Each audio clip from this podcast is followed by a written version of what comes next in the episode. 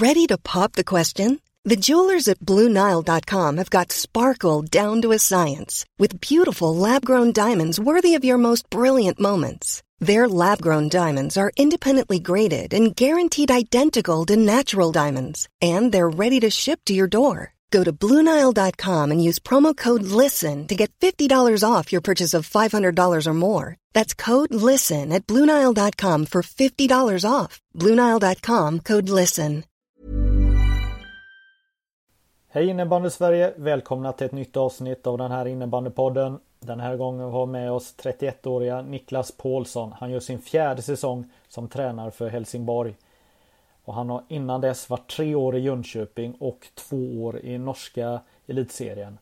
Han blev vald till årets tränare i SSL 2017-2018. Vi kommer prata mycket om ledarskap. Vi kommer prata om Helsingborgs säsong. Han tror stenhårt på sitt lag. De ska komma topp 4. Han berättar också eh, andra tankar om serien. Men nu tänker jag att vi kastar oss in i det här avsnittet. Nu kör vi!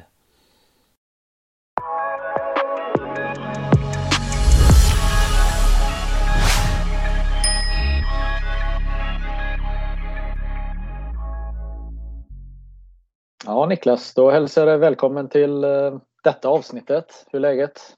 Stort tack! Jo, nej, det är bara bra. Bara bra. Mm.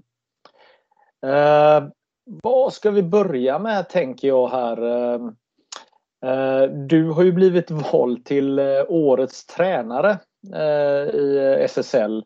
Jag tänkte att vi, vi, innan vi går in och lär känna dig lite mer här så kan du berätta hur var det att få den utmärkelsen?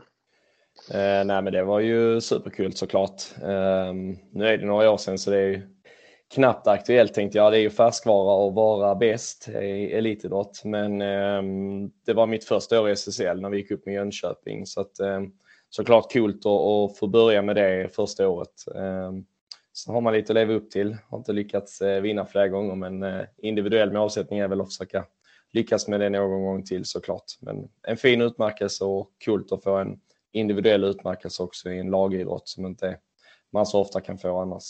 Mm. Eh, det betydde också mycket personligen för dig. Eh, jag tänker med din eh, pappa som också hade gått bort. Och... Mm, jo men absolut, det var precis i den vevan också.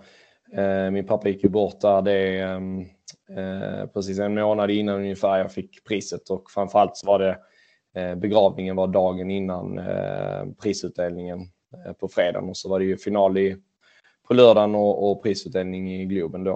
Ehm, så att, ehm, ja men absolut, det blir, blir ju känsloladdat när det blir så upp och ner också ehm, som det blir i sådana speciella situationer. Så att eh, det var synd att inte han också fick ta del av det såklart. Mm. Vad eh, betydde han för dig då som eh, idrottsledare? Alltså han introducerade dig i det här, eller?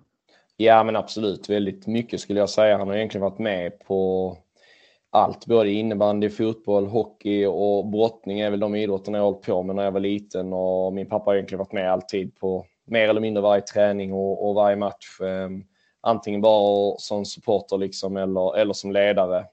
Um, så att eh, det generellt betytt väldigt mycket för mig och, och min lillebrorsa också har stöttat oss i, i väldigt mycket och um, vi båda har ju lärt oss väldigt mycket av vår pappa och eh, tagit med oss det in i idrotten. Min lillebror är ju tränare för Djurgårdens damlag i eh, fotbollsallsvenskan och, och jag är ju för Helsingborg SSL. Så att, eh, så sett så är det ganska kul att vi båda har antagligen fått med oss bra och nyttiga värderingar från våra föräldrar som vi har kunnat ta, dra, dra nytta av och lära oss mycket av. Liksom. Ja, det är fantastiskt. Eh, vad var det han eh, var bra som ledare? Vad har ni lärt er av, eh, av er pappa?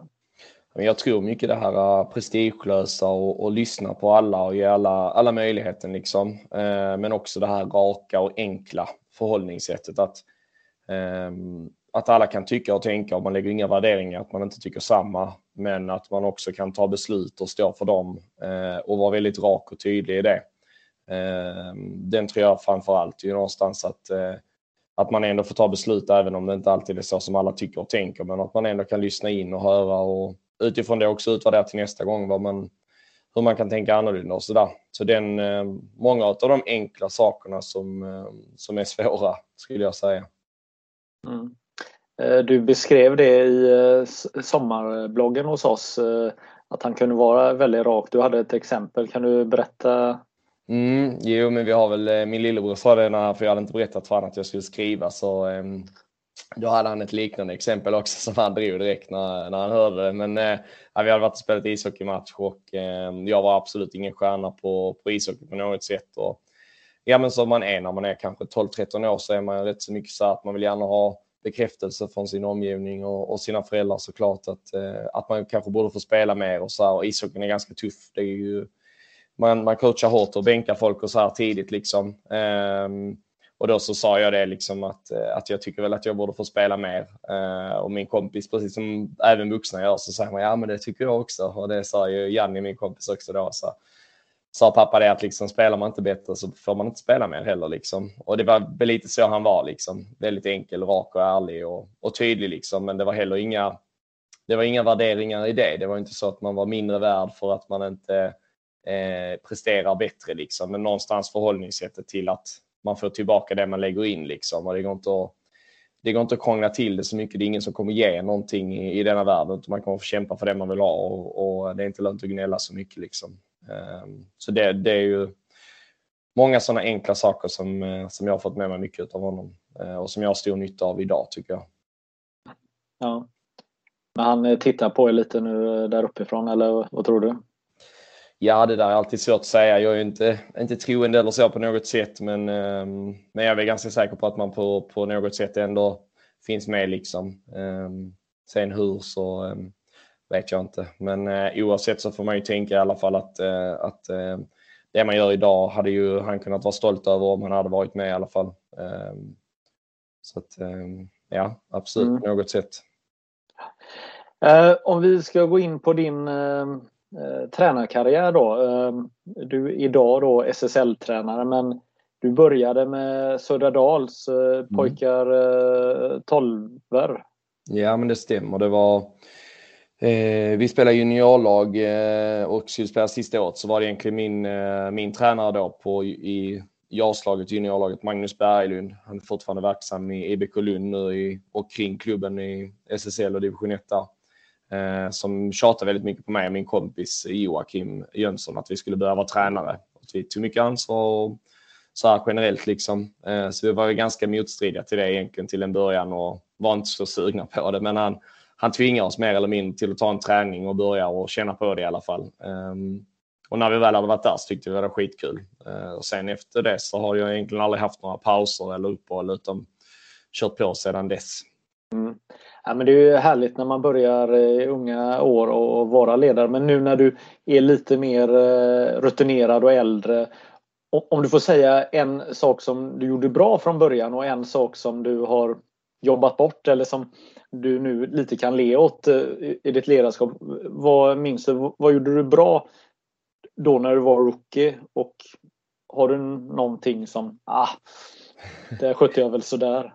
Eh, nej, men jag tror väl ändå det här entusiastiska, det är ju alltid otroligt spännande och, och, så. När man är ny så har man en entusiasm som är svår att få till idag. Liksom, I och med att nyhetens behag på allting och det finns så många mål man kan uppnå och sträva mot. Liksom. Så den entusiasmen man hade då var ju helt otrolig liksom, någonstans. Eh, och man, man var nog mer förändringsbenägen, alltså att man testade nya grejer väldigt sporadiskt. Eh, men det är också stor skillnad när man tränar ungdomar och, och pojklag i den åldern att du behöver inte ha den strukturen och, och sådär och långsiktigheten som vi har på samma sätt nu. Ehm, men det skulle jag väl säga är den stora skillnaden med att man var så otroligt taggad och sugen. Liksom. Den, det hade man gärna velat få en boost ibland att eh, eh så liksom. Men, eh, men det är mycket som är kul nu också såklart. Men det var, det var på ett annat sätt precis i början när man var ny liksom. Eh, och som jag gjorde dåligt det, ehm, det var väl framförallt sådana här fundamentala grejer som att man liksom inte ehm, man kanske inte visste exakt med, med struktur och sådär utan att man provade väldigt många olika grejer istället för kontinuitet. Um, men det var också svårt eftersom att man hade ingen baskunskap och man hade kanske ingen att fråga heller riktigt. Uh, så man fick ju hela tiden söka efter informationen och sådär. Det tror jag kan vara en stor fördel för mig idag också att jag har gått den långa vägen om man säger så som tränare. Jag har inte trillat in från, från att spela SSL rakt in i ett bås. Liksom. Utan jag har ändå fått jobba mig upp och testa mig fram och sådär. Och det tror jag jag kan ha nytta av idag. Men att man har faktiskt fått söka efter den informationen mycket själv och prova sig fram och ta reda och sådär på vad man vill och hur man vill ha det. Mm. För ganska tidigt, redan 2013, eh, så, eh, så flyttar du till Norge, eller du mm. blir ledare i Norge. Kan du berätta vad, vad är anledningen till det? Eh, ja, men där, jag tränade ju pojklag först i två år i Söderdal och sen tränade jag damlaget ihop med en som heter Magnus Fredriksson. Så jag var egentligen assisterande tränare till honom där. Eh, och så var det en av spelarna som vi hade haft i, i laget som eh, flyttade dit till sin pojkvän och så hörde hon av sig och sa att ja, vi behöver ha en ny tränare liksom och kollat på lite olika namn och så. Kan du prata med vår sportchef? Så sa jag att det var okej. Okay. Så ringde han och så här och sen åkte dit på besök och kollade och sådär. Eh, och så var det i samband med att eh, man sökte in på högskola och sådär och så var det väldigt höga intagningspoäng i Lund så då kom jag inte in på den utbildning jag hade tänkt att jag skulle läsa. Så då eh, när jag inte gjorde det tänkte jag att ja men vad fasiken, då kan jag lika bra testa. Så då stack jag till, eh, till Norge och Fredrikstad då. Mm. Hur var det? Eh, nej men det var kul och lärorikt. Jag tror väl eh, alla som flyttat till en ny ort och, och nytt sammanhang vet precis vad jag menar. Att man, man måste liksom börja om lite grann med allt det sociala framför allt. Och när man är 23 så är det ändå eh, man har ju liksom väldigt mycket bas, eh, alltså vänner och umgäng och sådär på hemmaplan. Men när man ska börja om med det så krävs det väldigt mycket av en själv. Man måste vara sitt bästa jag på ett annat sätt än vad man behöver vara på hemmaplan.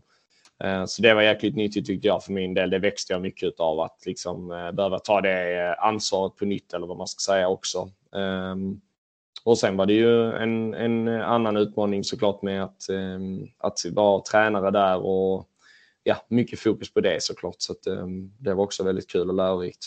Mm. Jag tänker som svensk i Norge när det gäller innebandy, då är ju statusen ganska man kommer ju in med en ganska bra status tänker jag som mm. svensk.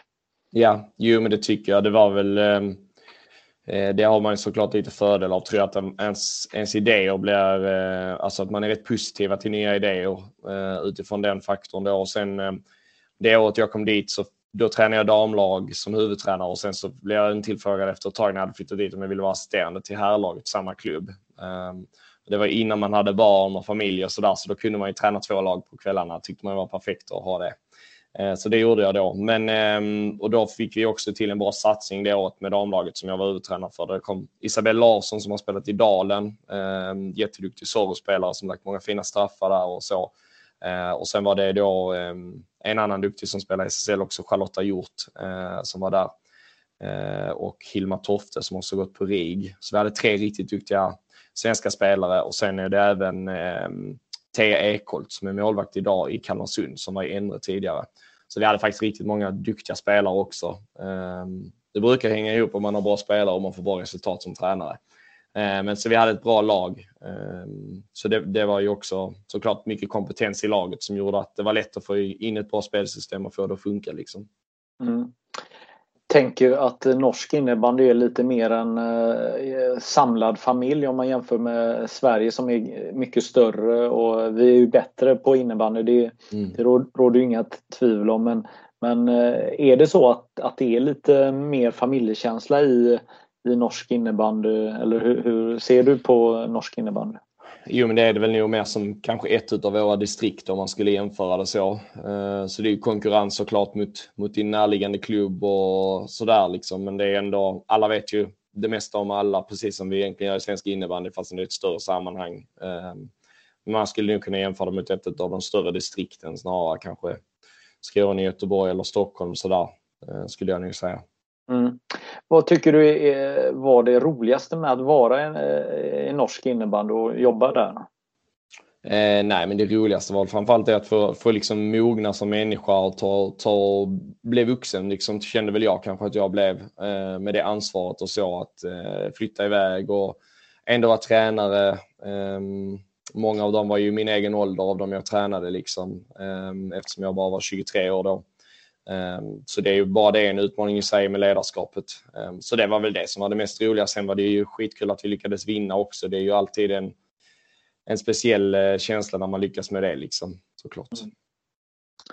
exakt. Jag eh, minns själv, jag var 23 år när jag tränade damlag i, mm. i eh, högsta serien i Sverige och det var den här åldersdelen kan man ju aldrig bortse från när det gäller en viss typ av pondus och hela Nej. den här biten. Men mm. Samtidigt har man inget val när man är i den åldern. Det är bara att Nej. försöka göra sitt bästa. Ja, exakt. Hur, hur tänker du? Ehm, eh, jag tänker, eller jag tänker rättare sagt att eh, man visar ju ganska tydligt också att man satsar på det här när man väljer att flytta till ett annat land för att vara tränare. Så det måste väl öppnat eh, dörrar då när du eh, bestämde dig för att åka hem igen eller?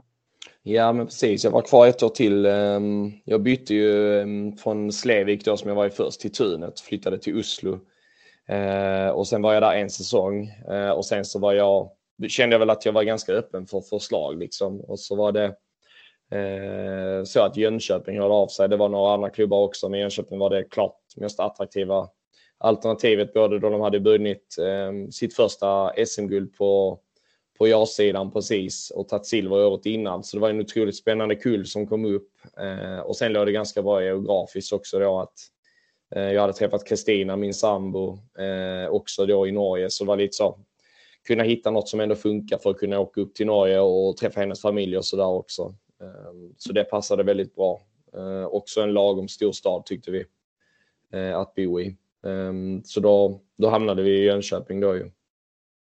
Ja, det är ju en intressant resa i sig då.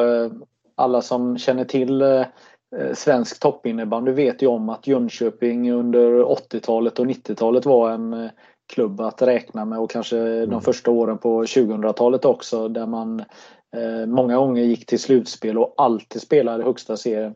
Och då när du kommer dit då till eh, Jönköping så spelar man ju inte i högsta serien. Nej precis, då var det ju allsvenskan. Ehm, och det var väldigt tydligt från Jönköpings sida tycker jag att, att det var upp i SSL igen som gällde. Liksom. Ehm, men man hade ändå ett sunt synsätt på det tyckte jag. Man ville få upp de unga killarna som hade tagit stora steg genom Sandagymnasiet. Ehm, och sen så värvade vi då in eh, Jesper Sankell och Rickard Hesmer. Ehm, så det var, det var rätt så tydlig satsning tyckte jag. Det var ett, eh, ett bra koncept och ehm, ja, men en tydlighet i truppen, liksom, hur man skulle kunna bygga det på både kort sikt och lång sikt. Så att, och sen var det ju ehm, alltså många profilstarka namn runt omkring som varit med länge. Christian Lindahl framför allt som gör jättemycket i den klubben. Men även Johan Adin som gammal spelare, Johan Andersson, Andreas Berglund, Alexander Taff som många år styrde jättemycket och gjorde jättemycket. Så de, eh, det var ju väldigt bra och stark organisation runt omkring här laget också som kändes tryggt direkt från början redan när man kom ner och träffade dem. Liksom. Mm. Jag tänker också att eh, Jönköping hade lite nya utmaningar. Man har haft lite tufft med ekonomin och eh, nu då hade man ju också en lokalkonkurrent då i Mullsjö som, som till och med låg före i seriesystemet. Det måste väl också varit en, en utmaning tänker jag för hela organisationen. Jo, men det tror jag och tycker jag. Det var ju inte... Eh, då på den tiden så var ju ändå Mullsjö så solklart före Jönköping också, så det blev ju inte den konkurrensen eftersom att vi var i Allsvenskan och de var i SSL. Så det var egentligen först mitt tredje år när vi kom upp i SSL som man började känna av det på riktigt. Liksom. Det, det låg ju i luften innan också, men då blev det väldigt tydligt eh, faktiskt. Så att, ehm, men ja, och den ekonomiska aspekten kom ju egentligen i, i stora dagar också efter att jag hade gått till Helsingborg. Eh, innan dess var det ju ett rätt, rätt så stabilt och ehm, sådär. Men ehm, ja, det är väl klart att ekonomin är tuff för de flesta klubbarna. Eh, så det var väl inget unikt i, i Jönköping heller egentligen. Det var nog mer att de var väldigt transparenta med sin situation tror jag. Ja, men, eh, exakt, och mycket handlar ju om eh, HV71 i Jönköping, Jönköping har det ju varit genom åren. Eh. Ja, det kan man lugnt säga. Bor man i Jönköping så även GI-södra som var uppe hade ju jätteproblem att ens få till någon, någon liksom ordentlig verksamhet i, i allsvenskan i fotboll liksom, med tanke på att HV71 är så pass stora som de är. Liksom. Så att man har en rätt stor utmaning om man är en stad där, ja men det är lite som att jämföra här i Malmö liksom, där det inte MIF kommer aldrig kunna konkurrera med MFF. MFF är liksom hela Skånes lag så det blir det blir svårt och det är lite samma med, med HV71 eh, i den mm. regionen. Liksom. Mm. Men i alla fall, eh, ni tog steget upp. Det är ju inte enkelt att göra det och väl i SSL då med Jönköping så skulle ni åka ur eh, med dunder och brak. Var väl vad många trodde ja, kanske? Jo, vi var, ja, jag tror vi var tippade sist utav alla faktiskt äh, egentligen. Mm. Mm. Men så blev det inte? Nej, nej vi, blev väl, vi, vi, blev inte nia, vi blev tia tror jag till sist. Va? Det var mm. nog Sirius som kom emellan oss, eh, men vi hamnade nog ungefär på samma poäng. Vi var ett poäng från Dalen i alla fall tror jag på slutspelsplats. Men eh, jag, jag, tror det utan att ha det framför mig, men jag tror ett poäng eller sådär från slutspel. Eh, Sämre målskillnad än Sirius, så de var också före oss tror jag. Eh, så ja. Mm. Vad är utmaningen att vara nykomling i en serie eh, kontra att vara etablerad? Ja, men det är ganska många. Den största faktorn tror jag det är att du, du kommer från att vara så extremt eh, boostade med bra självförtroende. Du spelar, spelar ju ditt spel till 100% tror jättemycket på dig själv och, och, allt det där. Och sen så när man kommer upp så tänker man ju att man ska fortsätta med det. Och någonstans vill man ju fortsätta med det för annars blir man ju lite destruktiv i sitt tankesätt och sin approach. Men du, du är jättesvårt att komma upp alltså för att alla har ju sån otrolig skärpa liksom och ehm, sådär. Så man blir så väldigt straffad på sina misstag. Det man klarar väldigt bra i, i allsvenskan och, och fortfarande göra de misstagen, de kan du inte alls göra när du kommer upp i superligan. Ehm, så många delar egentligen och sen är det såklart bredden på truppen, dina bästa spelare, dina spetsspelare. Helt plötsligt decent spelare i, i SSL, de är inte spetsspelare längre om det inte är redan tidigare SSL-spelare eller någon som blomstrar ut. Men, men det är inte alla som kommer göra det. Ehm, så det är många saker som spelar in. Organisatoriskt för klubbarna såklart och så vidare. Ehm, ja, och som tränare, fler matcher. Då var det 32 omgångar från 22. Ehm, betydligt fler analyser. Du måste läsa på på alla lagen på ett helt annat sätt för att detaljerna kommer ju ge vara skillnaden liksom. Um, så ja, egentligen alla parametrar skulle jag säga är ju på en helt annan nivå. Sådana enkla saker som när man spelar allsvenskan kanske man går ner på folk när det är tio minuter kvar. När du möter en duktig SSL-tränare så coachar de om sitt lag efter tio minuter om inte de tycker de spelar som de vill. Liksom. Ehm, och eh, ja, det var otroligt många faktorer som, eh, som var stor skillnad och betydligt mycket mer lärorikt också på sikt när man har varit i, i superligan såklart. Ju att allt är på en helt annan nivå. Liksom. Mm. Hur var det för dig då, jag tänker arbetsmässigt? Hur många mer procent skulle du uppskatta att du fick jobba med, med i SSL kontra allsvenskan? Eh, nej, men när jag bodde i Jönköping så testade jag lite olika saker. Jag jobbade på Sandra gymnasiet ett tag. Eh, tyckte inte det var något för mig att jobba med innebandy på det sättet med gymnasium och så. Eh, och sen jobbade jag ehm, 70 procent jobbade jag eh, då. Eh, på vanliga jobbet och så hade jag 50% anställning av Jönköping då ja. Mm. Mm. Så att, men ja, jobb, belastningsmässigt, eh, alltså timmar så blir ju lite mer, men samtidigt får man tänka sig också att allt videomaterial och sånt är mycket mer lättillgängligt i SSL. Nu vet jag att de har det i Allsvenskan också, men på den tiden så fick man streama alla matcher själv. Man så fick se till att fixa liksom sådana här uh, gamingverktyg som de har som spelar Counter-Strike. Fick jag lära mig att uh, jag spelar inget själv, men att uh, de som streamar sin skärm för att andra ska kunna se. Det kunde man använda för att kopiera matcherna direkt från skärmen då. Så det fick jag ju bli expert på så att jag kunde tanka alla andra lags streamingar. Och så fick man ju sitta och köpa matchen live och klicka igång den när det var live. Så mm. min sambo Kristina hade fått göra det några gånger när vi varit iväg på bortamatcher för att det skulle tajma liksom. För då fanns ingen repriser man kunde köpa på många av klubbarnas egna sådana här sändningar då. Mm. Så när man kom till SSL så slapp man ju allt det för då var det ju bara att gå in på huvudservern och tanka matchen direkt när matchen var slut. Så där, så, alltså, det fanns ju många förutsättningar som blev bättre med SSL också som gjorde att man sparade tid. Så att, klart att det blev mer tid i Superligan men, eh, men det var mycket, mycket andra saker som tog tid i Allsvenskan också. Mm. Hur, eh, hur viktigt är den här typen av eh, saker som du precis beskrev här? Att kunna analysera motståndaren och, och sig själv? Hur viktigt är det, tänker du? Ja, men jag tror det är viktigt. Jag tror det är väl den största delen av den lärande processen så och um, det är väl det också som man jobbar mycket med sig själv när man är inne på. Nu har jag gjort eh, några säsonger här ju och alltså jobba mycket med sig själv, med att motivera sig själv till att sitta uppe sent på kvällarna, att, att faktiskt göra det ordentligt. Det är en sak att sitta och klippa på motståndarna och kolla på dem. Det tycker jag alltid är, alltså det har jag inga problem med, men att motivera sig själv till att faktiskt driva, vidareutveckla vårt spel och kolla vidare på de analyserna. Ehm, när man kanske har fyra dagar kvar till nästa match och man tycker det är viktigast att vinna nästa match. Det vi har gjort det är passé nu liksom. Men till viss del behöver man kolla på det också såklart. Men, ehm, men för mig blir det mycket framtid och, och resultat kommande matcher. Men försöker alltid utvärdera de matcherna vi spelat. Eh, såklart titta en del på det också. Men tidsmässigt så är det ju den tuffaste delen tycker jag. Att, eh, att man får ju prioritera såklart någonstans vad som är viktigast. Och då tycker jag för, förutsättningarna inför nästa match är ju superviktiga. Men eh, klart att, att föregående matcher också är viktigt. Framförallt i lär, lärandeperspektivet. Vad är roligast med att vara tränare på den här nivån som du befinner dig på nu? Nej, men det är överlägset i min värld att tävla. Alltså matcherna är alltid det roligaste. Det har väl alltid varit det jag tycker är roligast. Det jag brinner för mest det är själva tävlingen och matchsituationerna liksom.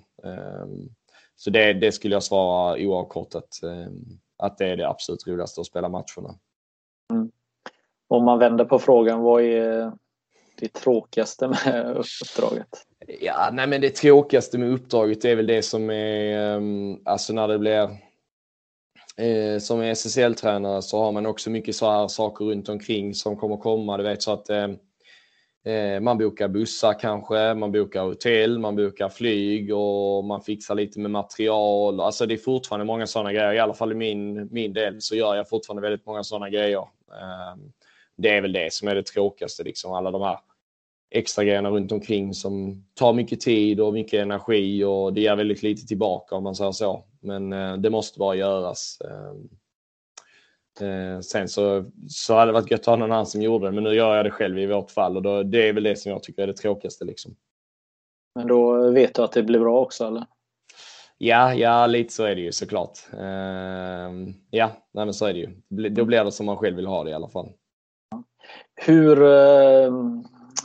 hur pratar du med spelare som pre precis kanske får spela eller inte får spela? Alltså de här som är på, på gränsen att spela. Hur hanterar du eh, det? Jag försöker prata så mycket som möjligt med mina spelare. Tidsaspekten är ju liksom begränsad såklart hur mycket man kan kommunicera med varandra. Men är det någon som inte ska spela en match så försöker jag ju ringa dem och berätta det så tidigt som möjligt när jag bestämmer mig för det. Eh, och försöker ge dem förutsättningar och förbereda dem så gott som möjligt. Eh, och sen ehm, såklart att liksom, om någon inte presterar så försöker man ju bolla. Oftast finns det en underliggande faktor eller att man inte har självförtroende, inte mår bra eller det är någonting annat. Liksom.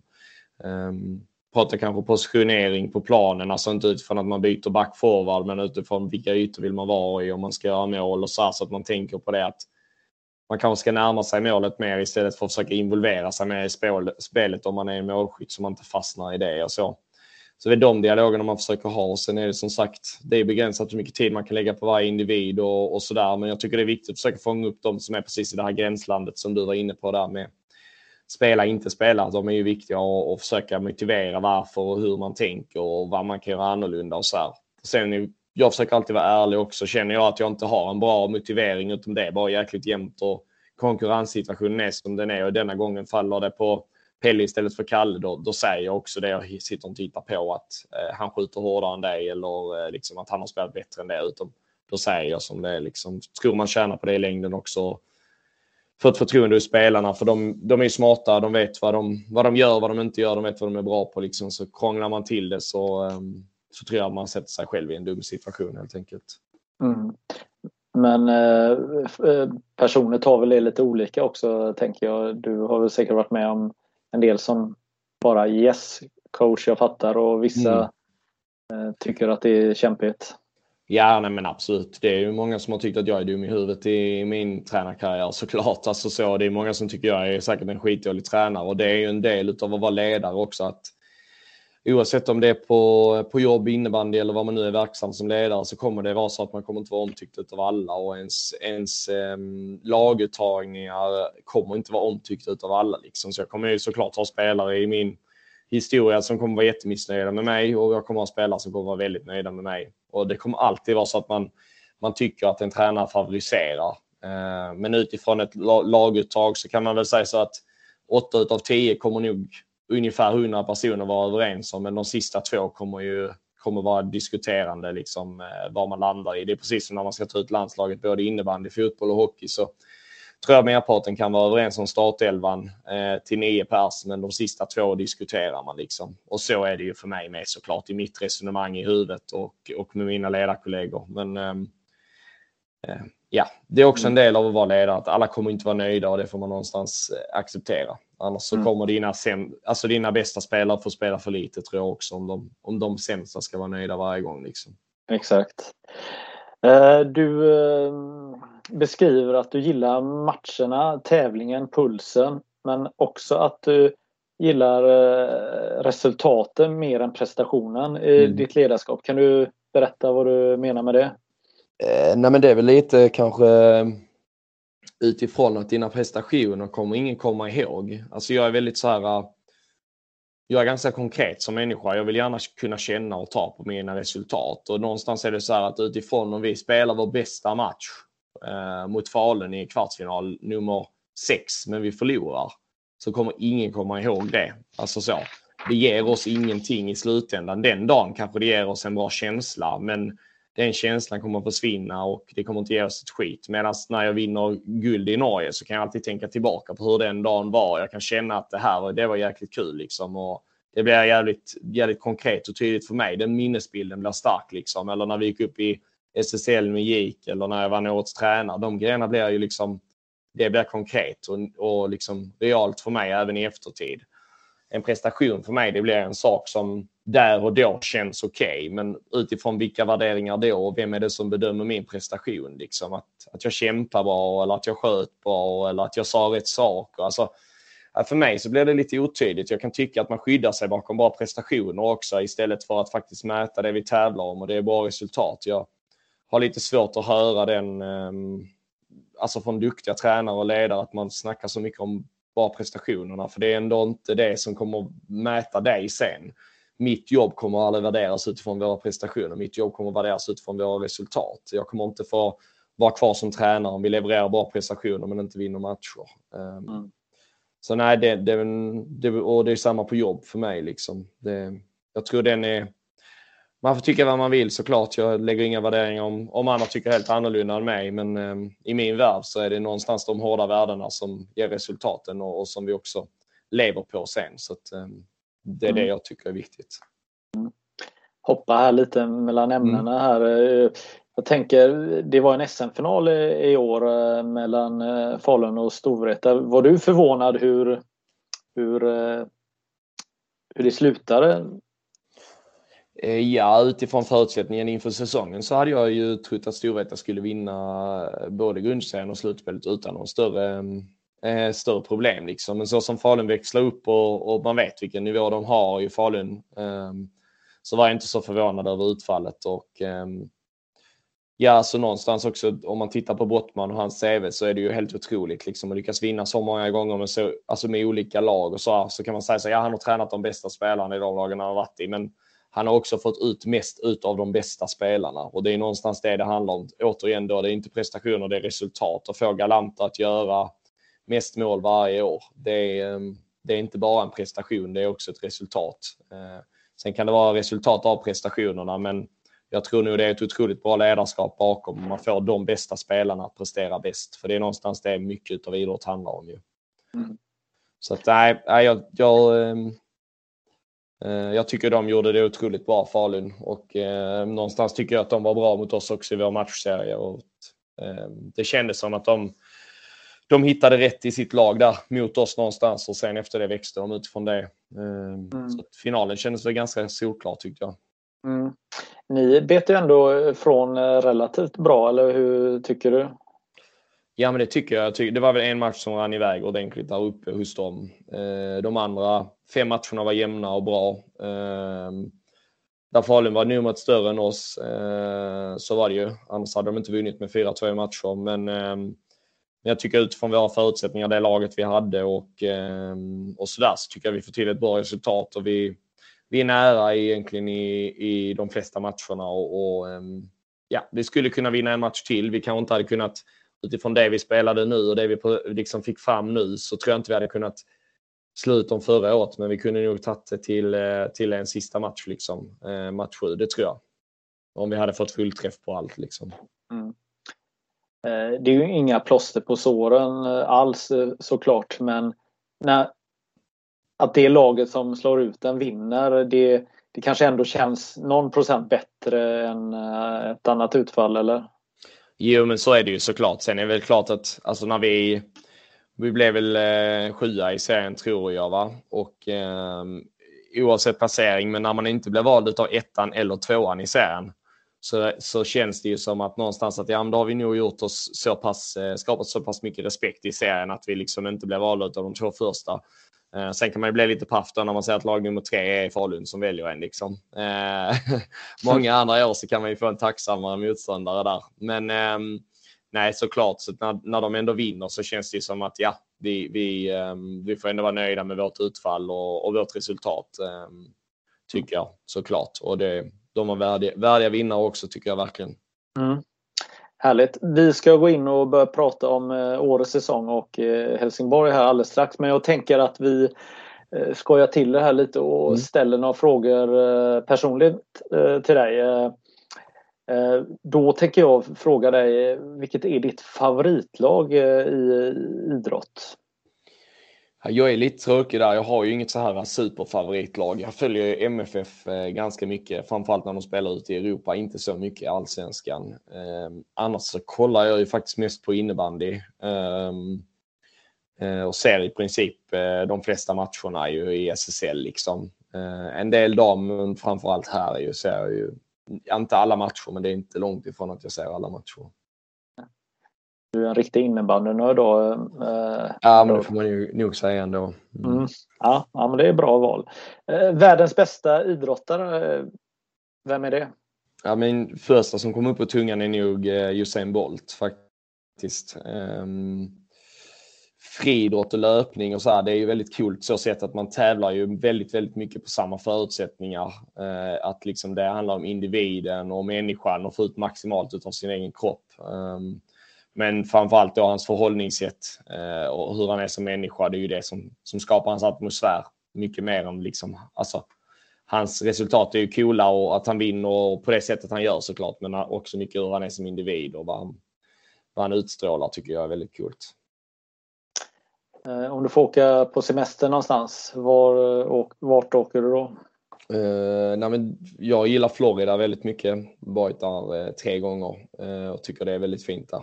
Eh, så det hade jag gärna gjort igen nu när man kan börja resa. Mm. Vilka röstar du på? Nej, jag skojar bara. Jag skojar. ja, jag fattar det. De hade faktiskt en diskussion om det i bussen nu på, på vägen hem från Falun här för förra veckan gammal. Det är lite kul att höra eh, vissa av de unga. De är så, så pass att de ändå kan svara på det utan att de tänker sig för. Ja, det är så. Ja, ja. Ja, men vad mm. kul att se din reaktion här. Du bara, uh, ja. Mm. Jag tänkte först om du ville veta så kunde jag gett ett sympatiskt svar utan att säga något. Men, uh, Nej, vi, ja. vi, vi är opolitiska här. Jag bara mm. ville... någon tränare som du, du tror är bra oavsett idrott? Mm, nej, men jag tycker Jörgen, Jörgen Klopp i Liverpool är väldigt kul såklart. med hans engagemang och kroppsspråk och så här. Ehm, jag försöker alltid själv vara väldigt ehm, ha den entusiasmen som jag pratade om tidigare, liksom med, som jag hade när jag var yngre kanske och var tränare på varje träning. Det har jag alltid varje match, eh, något som jag står för. Och det är kul att se med honom. Jag tycker alltid han bjuder på sig själv och, och har mycket av det. Um, så han sticker väl ut tycker jag där. Um, det finns jättemånga många duktiga såklart, men han, eh, han tycker jag är cool. Han har nog krattat eh, manegen ganska bra här för han har nog med sig fansen. Eller? Mm. Jo, jag tror det. Eh, det känns ju så i alla fall. Mm. Och i sådana stora sporter och eh, klubblag då så är det väl ganska smart att vara populär där också. Jag tror det. Där bedöms man utav många. Mm. Jag bad dig att du skulle ställa en fråga till mig så eh, vad vill du fråga mig?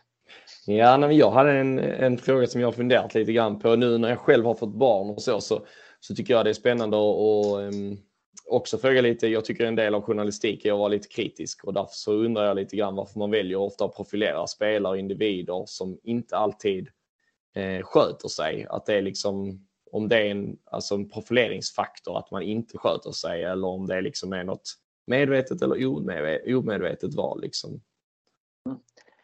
Intressant fråga. Eh, är den lätt att svara på?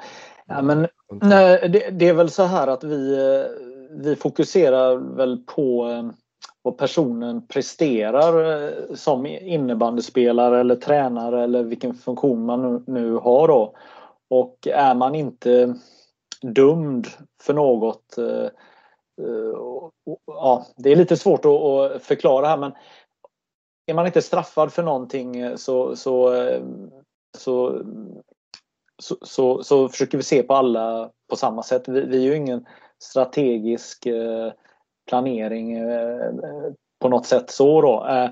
Det som är om man är väldigt känd innebandyspelare som gör någonting då, är det, då blir det naturligt att man berättar vad mm. personen mm. har gjort och så det finns ju ett, ett intresse eller allmänt intresse kring att, att berätta det då men det finns ju ingen målsättning att vi ska profilera någon som är kriminell eller någon som gör något olagligt eller, eller eh, på det sättet. Eh, eller var det så du tänkte eller funderade? Nej, jag, alltså, egentligen så finns det jag, jag hade heller inget svar på det eh, och det är inte så riktat mot någon specifik individ heller utan mer så allmänt liksom att eh, jag kan tycka vår sport är ju, är ju någonstans där den är. Vi är inte fotboll eller, eller ishockey liksom. Och, eh, det finns ju många i eh, de olika klubbarna som, som verkligen kämpar på med både kanske familj och har framgångsrika karriärer och dessutom då är kanske några av de bästa i ligan och spelar i landslag och så här Att, tänker att de hade varit bra förebilder och profilera extra liksom. Eh, snarare än vissa andra som, som kanske skiter i mycket annat och bara spelar innebandy. Sen är det ju upp till var och en vad man vill göra av sitt liv. Men tänker de här unga personerna som väljer att gå på innebandygymnasium och så att man faktiskt ser att det finns inte så många som kan livnära sig på, på vår sport tyvärr utan att man kanske behöver tänka ett steg längre vad man ska, ska göra när man blir vuxen också. Mm. Och där, ehm, där tänker jag väl att vi alla då, inte bara ni, utan vi alla har ju ett ansvar som både i klubbarna och vi som är vuxna liksom generellt att se på vad, vad det är viktigt eh, att profilera för de unga. Liksom. Precis, eh, lite lurigt att prata om allt det här men alltså vi är ett innebandymedium. Eh, innebandymagasinet har varit det i snart 25 år där vi ser innebandys bästa i hela tiden och eh, vill inte sälja ut sporten eller några för några extra klick eller vad det nu kan vara. Nej. Utan, utan vi vill ju att, eh, att sporten ska växa och, och, vara intressant. Men sen är det ju också så här att olika personer är olika intressanta. Mm. Jag menar, en, en landslagsspelare kan vara jätteintressant eh, för väldigt många och en annan som är lika bra är helt ointressant. Man är mm. inte intresserad att veta så mycket om den här mm. personen och det kan bero på olika orsaker. Jag menar, det är bara att titta som jämförelse om Zlatan är med i fotbollslandslaget. Alltså, eh, det, det blir 100-0 eh, till mm. han i alla situationer. Man vill veta allt vad han gör. Eh, Medan högerbacken som, som tränar lika hårt är man faktiskt inte så intresserad av vad han tycker mm. om eh, vädret i Borås eller vad det nu kan vara. Men Nej, Zlatan tycker man allt vad han tycker om vad det än är, är intressant. Mm. Så, att, så att det, det, är inget, inget enkelt och jag menar ju mer information vi får om en spelare som är som är hårt jobbande och förebild, desto lättare är det för oss att ta ett beslut att åh, vad, mm. vad intressant den här personen är. Så att det, det är ju lite det, det, är, inte enkelt att hitta alla, alla, alla stories och sånt där men vi, vi vill väl absolut eh, göra det här eh, så bra som möjligt. Då. Ja, det var ingen kritik heller. Det var mer en allmän fråga liksom som, eh, som jag tyckte var intressant och som man kanske funderar mer på när man blir, blir något äldre och har barn själv och sådär liksom i en större aspekt liksom. Absolut, så är det. Och ja, det är utmanande och att låta dig ställa en fråga här. Och eh, det är utmanande att prata om det här för det, hur man än eh, svara på det här så kan det bli fel att man mm. eh, ja, vi har ingen agenda att, att eh, lyfta några personer som har ruff bakgrund eller någonting. Nej, Däremot, nej, nej det förstår jag. Nej. Ja, eh, ja, årets säsong 2021-2022. Vi håller ju alla tummar nu att det här blir en normal säsong med att publiken får eh, vara på våra matcher och att eh, ja, vi kommer kunna spela som planerat. Men nu tänker jag eh, att du kan berätta lite. Vad kan vi förvänta oss av, av ert lag, Helsingborg, i år? Mm. Ja, nej, först och främst hoppas jag också såklart att det blir publik. Det är en helt annan känsla att gå in på en match när det är, när det är mycket publik, så det håller vi verkligen tummarna för. Eh, förväntningarna är alltid svårt att säga när man har en, eh, ett lite nytt lag och eh, sådär, men vi, vi hoppas ju att vi ska kunna ta ytterligare ett kliv och det är väl klassiskt att säga det varje säsong att alla vill det. Men eh, vi har fått behålla stummen och, och eh, de flesta spelarna har fått ha kontinuitet i det och sen fått addera lite spetsspelare. Um, så vi tycker jag har gjort en väldigt bra silly season som vi är nöjda med. Um, och sen är det då det här pusslet att få alla att fungera tillsammans och faktiskt också börja prestera och få ut det spelet man vill utav dem uh, så snabbt som möjligt. Då. Um, så det är väl den, den man kommer brottas med i början innan man vet exakt vad man kan förvänta sig av laget. Men vi hoppas väl att vi ska kunna vara med och slåss om, om eh, de topp fyra placeringarna för att ge sig bra förutsättningar inför ett slutspel och sen där kan allting hända. Mm. Så det är målsättningen, topp fyra? Ja, men det skulle jag nog säga någonstans att den är ju. Eh, man vill gärna komma ifrån och bli vald av dem, eh, alltså ettan och tvåan om man nu inte kan komma där själv liksom. Eh, mm. så, så är det ju generellt. Det tror jag att de flesta lagen tänker som inte är etta och tvåa själva liksom. Varför ska man eh, betala entrébiljett och, och komma och titta på er oavsett om det är på hemmaplan eller bortaplan? Ja, men jag tycker vi, eh, vi har en ganska tydlig profil vad vi står för. Alltså, vi, vi är alltid tuffa att möta. Vi smäller på rejält och vi, vi har alltid en hög insats i våra matcher. Eh, och sen så, eh, så tycker jag att vi har spetsspelare som alltid eh, då ger valuta för pengarna. Framförallt Jonathan Edling med sitt utkast och sina räddningar. Eh, det ser så enkelt ut när han räddar, men de som har blick för spelet de ser att, att de förflyttningar han gör, det, det spelförståelsen är världsklass. Ehm, och sen Linus Nordgren med hans kontringsspel, Max Wahlgren med, med sin finess och sina avslut och sen har vi ju Jonte Nilsson som är supersnabb och bra i kontringarna. Ehm, nu Kristoffer Andersson och Daniel Jonsson med fantastiska avslut och sen Linus Malmström som också kan kan dribbla av de flesta i ligan och är supersnabb verkligen. Så vi har rätt många coola offensiva spelare tycker jag som liksom eh, sätter krydda på, på matcherna. Och sen har vi ju Kristoffer Fält som alltid ser till att få till lite brottningsmatcher eh, varenda, varenda vänsterhörn i serien. Liksom. Så ja. att, eh, nej, jag tycker vi har ganska många ingredienser som ändå gör att vi är ett, ett lag som är roligt att titta på. För mig betyder inte roligt att titta på att, eh, att man spelar på ett visst sätt utan snarare vilka spelartyper man har. Liksom. Nej, jag ser ju på dig när du pratar med mig här att, eh, att du mår bra när du eh, nämner de här namnen och även jag. Jag bara wow, vilka, vilka spelare du har. Alltså, ja, men de är, ja. ja, det är skitkul verkligen. Det är ju fantastiskt eh, duktiga spelare och även fantastiskt bra människor att ha att göra med också. Eh, det tycker jag är jätteviktigt. Eh, så att, eh, det är jättekul. Verkligen. Vi har fantastiskt eh, bra lag, både, både som människor och som spelare tycker jag i FCA. Så det ska bli sjukt kul att se eh, hur det blir denna säsongen när vi får ihop allt och eh, allt klaffar i. Liksom. kommer säkert ta ett tag innan vi är som bäst eftersom att vi har en del nya och sådär. Men eh, efter jul och efter VM tror jag vi kommer vara riktigt, riktigt bra. Mm. Men det låter som ni är vansinnigt eh, hungriga på att eh, skapa något bra här eller? Ja men det är vi. Jag tycker väl att framförallt också att vi har fått lägga in en stor insats för att komma dit där vi är. Det var um, för tre år sedan uh, så hade vi ju riktig ekonomisk kris i FCA. Vi låg ju back i ungefär 1,7 miljoner. Uh, och eh, vi fick jobba hårt för att dra in de pengarna och halverade vår budget också från den finska satsningen till där vi är idag. Ehm, så vi har gjort många saker som, som har förändrat hur vi ser på det och um, också gjort mycket rätt tycker jag utifrån att vi ändå har kunnat ta oss dit där vi är idag på en halverad budget jämfört med vad man var för fem år sedan då. Ehm, så att ehm, ja, det ska bli spännande, men också när det finns mycket hårt jobb bakom som från många i organisationen och kanske framförallt Fredrik Hazelius då som var klubbchef tidigare och nu Mattias Amisep som är klubbchef idag med många, många fler såklart. Men så, så har de gjort ett otroligt jobb för att vi ska kunna vara där vi är idag liksom. Och nu gäller det att försöka bära frukt av det också. Mm. Du nämner den här finska satsningen som eh, fanns under många år i Helsingborg. Vad, vad har blivit bra nu efter man har avbrutit den här finska satsningen? Nej, men jag tror väl att eh, framförallt det här i lokala intresset eh, blir mycket större och i en sport som vår innebandy så är det viktigt att ha det lokala intresset, både media och, och publik och framförallt med partners och, och kidsen som ska spela och allting.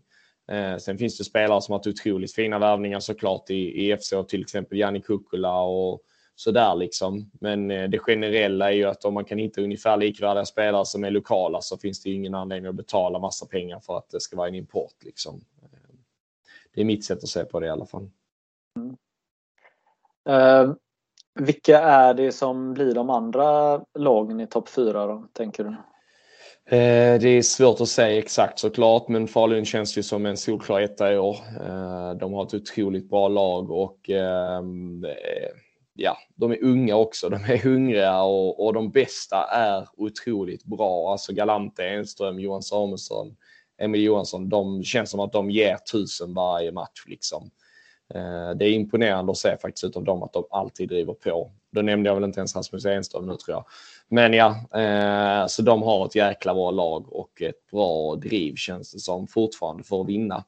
Eh, bakom dem så känns det lite mer öppet tycker jag. Där är det både Växjö, Kalmar, Eh, vi själva skulle jag också säga och Storvreta såklart. Eh, sen tycker jag också Mullsjö alltid blandar sig in där på något sätt. Jag tror Pixbo också kommer bli farliga nu med, eh, med ny tränare igen. Eh, om han coachar som han gjorde sist så, så var de ju bra. De blev trea då när de låg lite lägre och gick på lite färre folk. Ehm, så de kommer säkert bli inblandade också på något sätt. Eh, och sen är det både, både Linköping och Thorengruppen också som kommer att vara med och slåss där bakom tror jag. Um, så det, är, det är en stor startuppsättning. Ja, nu har du nästan sagt hela... ja, exakt. Nej, jag föll väl iväg lite på slutspelsstriden nästan. Men, ja, nej, men slut, eller topp fyra då, Falun och sen tror jag att Växjö, vi själva, Kalmar och Storvreta framförallt. De fem mm. lagen tror jag väl är mm. topp fyra några av dem. Mm. Uh, ja. Mullsjö lite outsider där. Ja, du eh, nämner Storvreta lite senare, tycker jag är intressant. Ja, men jag tycker inte de har lika bra lag längre. Eh, jag tycker själv att de jobbigaste spelarna att möta var ofta eh, Stenberg, Matte Samuelsson. Aren i min bok är en av världens bästa innebandyspelare på alla sätt och vis. Man såg det förra året när vi spelade ett, ett lite mer um, lågt man-man-spel mot dem så lämnade även de bästa spelarna över ansvaret på arenan. Att det var han som skulle försöka göra sin gubbe. Så någonstans statusen i laget måste varit ganska hög på honom. Eh, Jimmy mm. Pettersson vet jag inte hur många poäng han har gjort i SSL, men det är en hel del. Eh, och så vidare. Va? Så där är ju en, det är rätt många spelare som har försvunnit. Eh, så ja, jag tror, tror väl att eh, med den rutinen, erfarenheten och drivet, ledaregenskaperna på de spelarna så tappar man en hel del som man inte kan ersätta oavsett vem man värvar. Liksom. Eh, så att ja, jag tror inte de är så självklara i toppen längre som de har varit många år. Sen kommer de alltid vara inblandade och de kan vinna guld för det. Men ehm, jag tror inte de vinner grundserien detta året. Men det är ganska härligt att eh, det känns väldigt öppet. Ja, de åren jag varit med så skulle jag nog säga att det här känns som på mina fem säsonger i SSL så känns ju detta som den mest öppna säsongen. Samtidigt tycker jag väl kanske också att Falun sitter på en av sina bästa trupper någonsin. Ehm, så ja, det ska bli väldigt spännande att se. Men jag tycker det är kul att det är vi eh, några stycken bakom som både vi och Kalmar och Växjö bland annat som, som satsar för det verkligen och försöker liksom utmana. Samtidigt kanske det här eh, Eh, känns bra för alla klubbar att just Falun är sån uttalad eh, favorit. Eh, på något sätt alla, alla spår går åt, åt samma håll. Ja, men det är alltid tacksamt att inte behöva vara favorit såklart. Så är det ju på något sätt liksom. Sen tycker jag det kan vara kul när man är i den positionen också. Då krigar man framförallt väldigt, väldigt mycket mot sig själv, sina egna förväntningar och sina egna mål. Oftast när man är så bra så har man högre målsättningar själv än vad någon annan har på en. Ehm, så att eh, jag tror nog att de, de är rätt så rätt så bekväma i den positionen också. Jag är lite nyfiken på dig personligen här. Du, du jobbar heltid eh, också utöver mm. att du är innebandytränare. Ja, men det stämmer. Hur går det till? Ja, eh, jag har först och främst en väldigt, väldigt eh, förstående och bra sambo som tar väldigt mycket ansvar med våra barn. Såklart, vi har ju två döttrar, Ingrid och Astrid. Eh, så Kristina, min sambo, tar mycket, mycket ansvar där med dem. Liksom. Eh, så ja, det är krävande såklart. Jag jobbar 100 procent i, i Malmö och sen eh, pendlar jag då till Helsingborg och är tränare där. Ja, det är en resa på sju mil. Mm, ja, men exakt. Så jag har väl en eh, ja, 50 minuter och sen brukar det vara rätt mycket trafik så att eh, brukar köra från jobbet ungefär 20, eller ja, halv fem eller eh, 20 över fyra och sen är jag uppe på strax innan 26 har vi samling alltid. Så att, eh, mm, och sen är man hemma där någon gång vid halv nio, nio på kvällen. Ehm, och, ehm, men jag brukar lämna barnen på förskolan alltid varje morgon, eh, halv åtta, innan jag sticker in till jobbet. Så att, eh, det blir några timmar varje dag. Onsdagar är vi lediga men annars tränar vi måndag, tisdag, torsdag, fredag. Så att, ehm, ja. Och, ja. Ehm, ja nej, men det är kul i alla fall. Men det är klart att det är tufft också. Mm.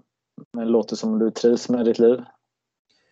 Ja, jag trivs med mitt liv, jag trivs med mitt jobb och eh, och allting såklart. Men det, det, är tråkigt att man missar lite tid med sina barn och det är någonstans det man får värdera eh, också här på sikt, ju, hur länge man håller på med, eh, med innebandyn såklart. Men om man inte missar för mycket tid med, med sina barn nu när de blir större och sådär så kommer det krävas mer. Man vill gärna vara med på aktiviteter själv och kunna ge den stöttningen som vi själv pratade om tidigare med det min pappa gav till mig liksom, som betyder mycket för mig idag. Den vill inte jag missa med, med mina döttrar utan jag vill såklart kunna stötta dem i deras också nu när de börjar bli större här. Så att, mm. eh, det kommer ju också vara en värderingsfråga på sikt såklart. Mm.